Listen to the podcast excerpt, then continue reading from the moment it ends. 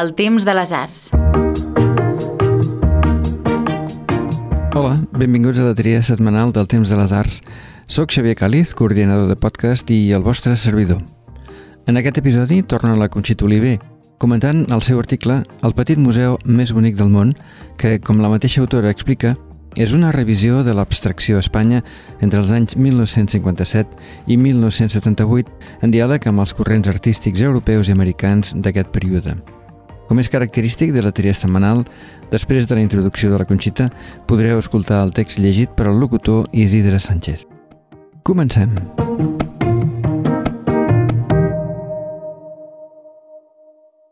Hola, sóc Conxita Oliver i us voldria parlar avui de l'exposició que es presenta a la Pedrera titulada Els camins de l'abstracció 1957-1978 Diàlegs amb el Museo de Arte Abstracto Espanyol de Conca ressegueix les diverses formes que va adoptar l'abstracció durant la segona meitat del segle XX i mostra les principals tendències en els àmbits nacional i internacional com són l'informalisme, l'expressionisme abstracte, l'abstracció geomètrica, l'art òptic i cinètic o la pintura de camps de color una magnífica revisió de l'abstracció a Espanya en aquest període en diàleg amb els corrents artístics europeus i americans d'aquest període. Situem-nos ara a l'estat espanyol dels anys 50, en ple franquisme, i a l'Europa posterior a la Segona Guerra Mundial amb la tràgica experiència de la bomba atòmica – en aquest moment neix una pintura radicalment diferent de la del període d'entreguerres. Una nova generació d'artistes va revolucionar l'art i va obrir nous camins cap a l'abstracció, continuant amb la línia encetada per Kupka i Kandinsky a principis de segle. El cubisme i el surrealisme els succeeixen Ara, per una banda, l'informalisme europeu i per l'altra, l'expressionisme abstracte americà, que qüestionen la forma i la matèria pròpia de la pintura. Pensem que, amb l'arribada de l'art abstracte, va canviar el concepte sobre la creació plàstica, allunyant la representació com a requisit i obrint la porta a la manifestació de determinats nivells d'interiorització. Aquests paràmetres donaven als artistes una nova sensació de llibertat en deslliurar-se dels esquemes figuratius i naturalistes alhora que els atorgaven més possibilitats expressives pel fet de trencar fórmules i models establerts. Amb la utilització de tota mena de suports i de materials pobres i senzills, l'artista s'endinsa en un abisme existencial, en una lluita per la supervivència humana – la importància del gest del pintor, l'ampliació de l'espai pictòric i l'ús de nous pigments barrejats amb altres materials i en altres suports marquen la nova relació de l'artista amb la realitat. Paral·lelament, i com a oposició a aquest caràcter emocional, violent i individualista de l'expressionisme abstracte i de les tendències informalistes, apareixen a finals dels anys 50 un seguit de moviments que s'expressen també en l'àmbit de l'abstracció, però que busquen planificar la pintura sobre principis racionals i aspira sobretot a l'objectivitat i a la universalitat, defensant l'ús d'elements, normalment geomètrics, que confereixen claredat i precisió a l'obra, eliminant la capacitat sensitiva i expressiva dels materials i aconseguint així una composició estructurada. També sorgeixen experiències cinètiques que desafien la percepció de l'ull humà. Es basen en la il·lusió visual, els efectes òptics del moviment, l'ambigüetat de formes i la inestabilitat de les imatges formades per xarxes i trames de color. Moltes de les obres que s'exhibeixen en aquesta exposició formen part del Museu d'Arte Abstracto Espanyol de Conca i posen de relleu la significació d'aquest museu del qual Alfred Akbar, fundador i primer director del MoMA, va dir el 1967 que era el petit museu més bonic del món. El naixement d'aquest museu prové de l'artista i col·leccionista d'origen filipí Fernando Zobel, que arribat a l'estat espanyol al 1961 es proposa de crear una col·lecció d'art abstracte espanyol, Molts dels nostres artistes ja triomfaven a les bienals i a les grans exposicions internacionals, però aquí la seva projecció era més aviat escassa i les seves millors obres se n'anaven a l'estranger. Així naixia aquest museu, una aventura artística que va tenir la complicitat dels també artistes Gustavo Turner i Gerardo Rueda i que es feia realitat a les cases colgades, un oasi a l'Espanya apagada i adolorida del franquisme. Inaugurat el 1966, contribuí sobretot a la reparació d'un món marcat per la dictadura franquista. L'exposició proposa un recorregut suggeridor amb més de 70 obres pertanyents a la col·lecció d'aquest primer museu d'abstracció amb altres obres de museus i col·leccions particulars. Tot plegat us ho explico a l'article El petit museu més bonic del món. No us perdeu aquesta ocasió per gaudir d'aquest conjunt tan extraordinari que podreu veure a la Pedrera fins al proper 15 de gener.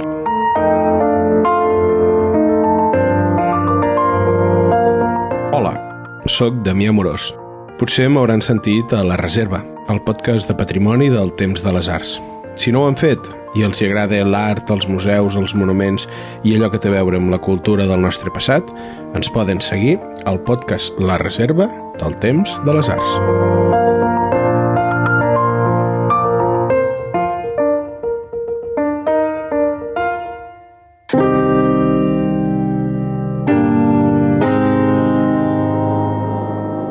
el petit museu més bonic del món.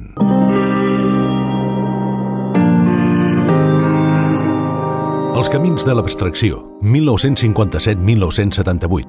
Diàlegs amb el Museo de Arte Abstracto Espanyol de Conca. Concebuda i organitzada per la Fundació Catalunya La Pedrera i la Fundació Juan Marc, és una revisió de l'abstracció a Espanya entre els anys 1957 i 1978, en diàleg amb els corrents artístics europeus i americans d'aquest període,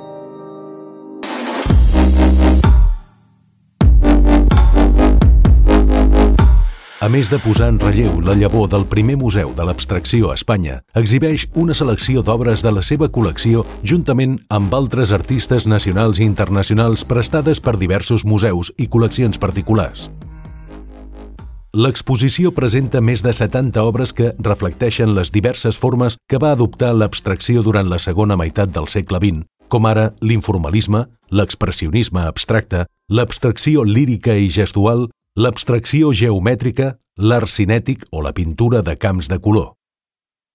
Artistes del grup madrileny El Paso, com Manolo Millares, Antonio Saura, Rafael Canogar, Luis Feito, Manuel Rivera i Pablo Serrano, conjuntament amb els principals representants de l'informalisme català, com ara Antoni Tàpies, Modest Cuixart, J.J. Terrats, Josep Guinovar, Albert Ràfols Casamada o Hernández Pijuan entren en diàleg amb algunes de les màximes figures de l'abstracció internacional de nivell d'Alexander Calder, Marc Rothko, Albert Burri, Willem de Kooning, Hans Hartung, Jean Dubuffet, Helen Frankenthaler o Jackson Pollock. La mostra té un caràcter itinerant i cadascuna de les seus que l'acull, el Centre José Guerrero de la Diputació de Granada, la Fundació Catalunya La Pedrera, els Meadows Museum, SMU de Dallas, Estats Units, i el Ludwig Museum Koblenz aporta caràcters específics segons les particularitats de cada institució, el context i el públic a què va dirigida.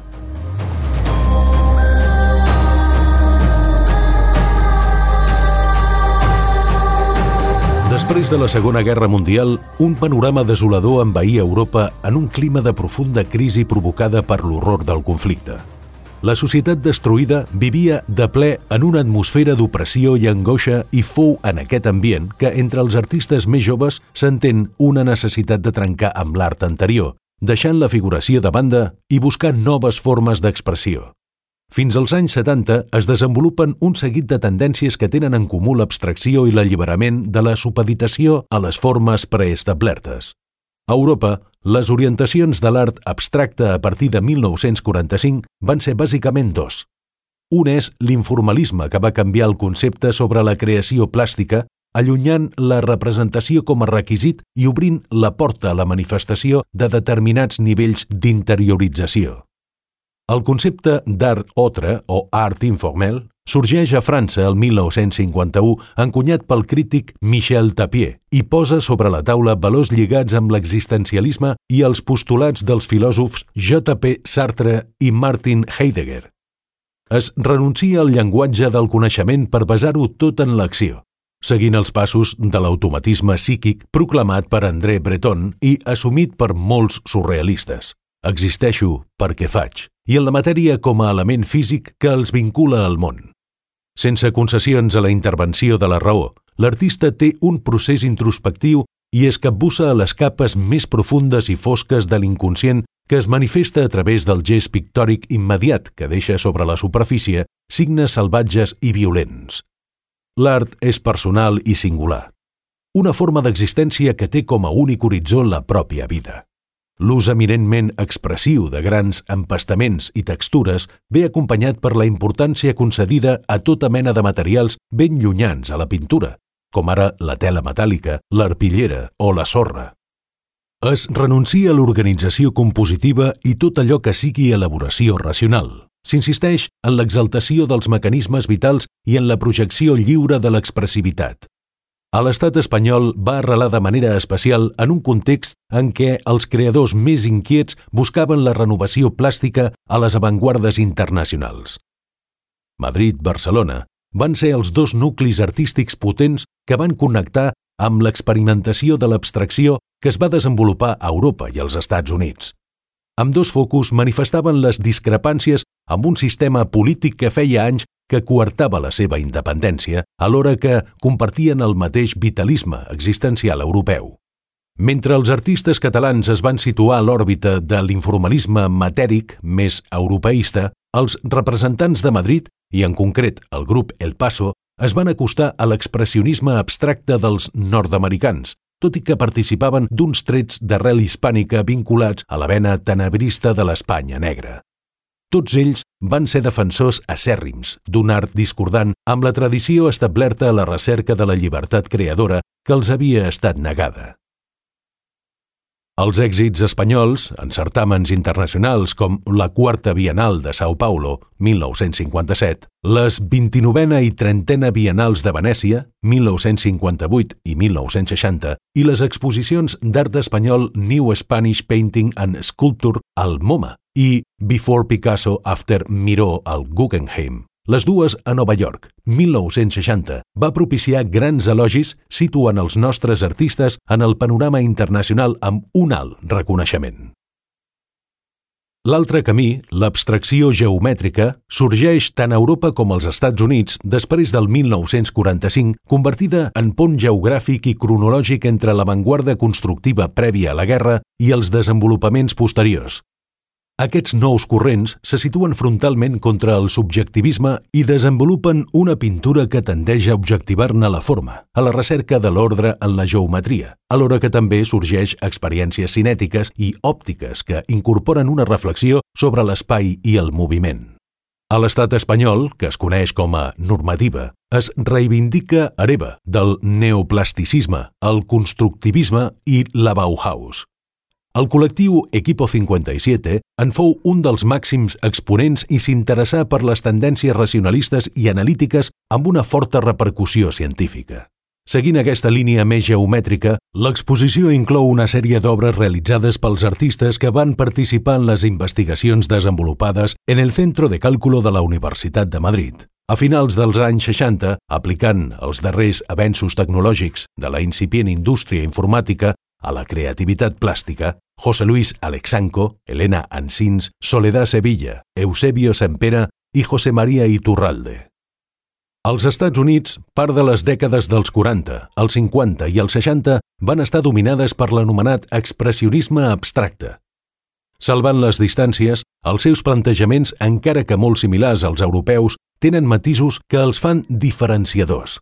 Per exemple, Jackson Pollock, amb els seus drippings, envairà la tela amb uns entramats diabòlics, mitjançant un ampli teixit cromàtic aconseguit gràcies a una vertiginosa acció, action painting, que marcarà el seu característic gest.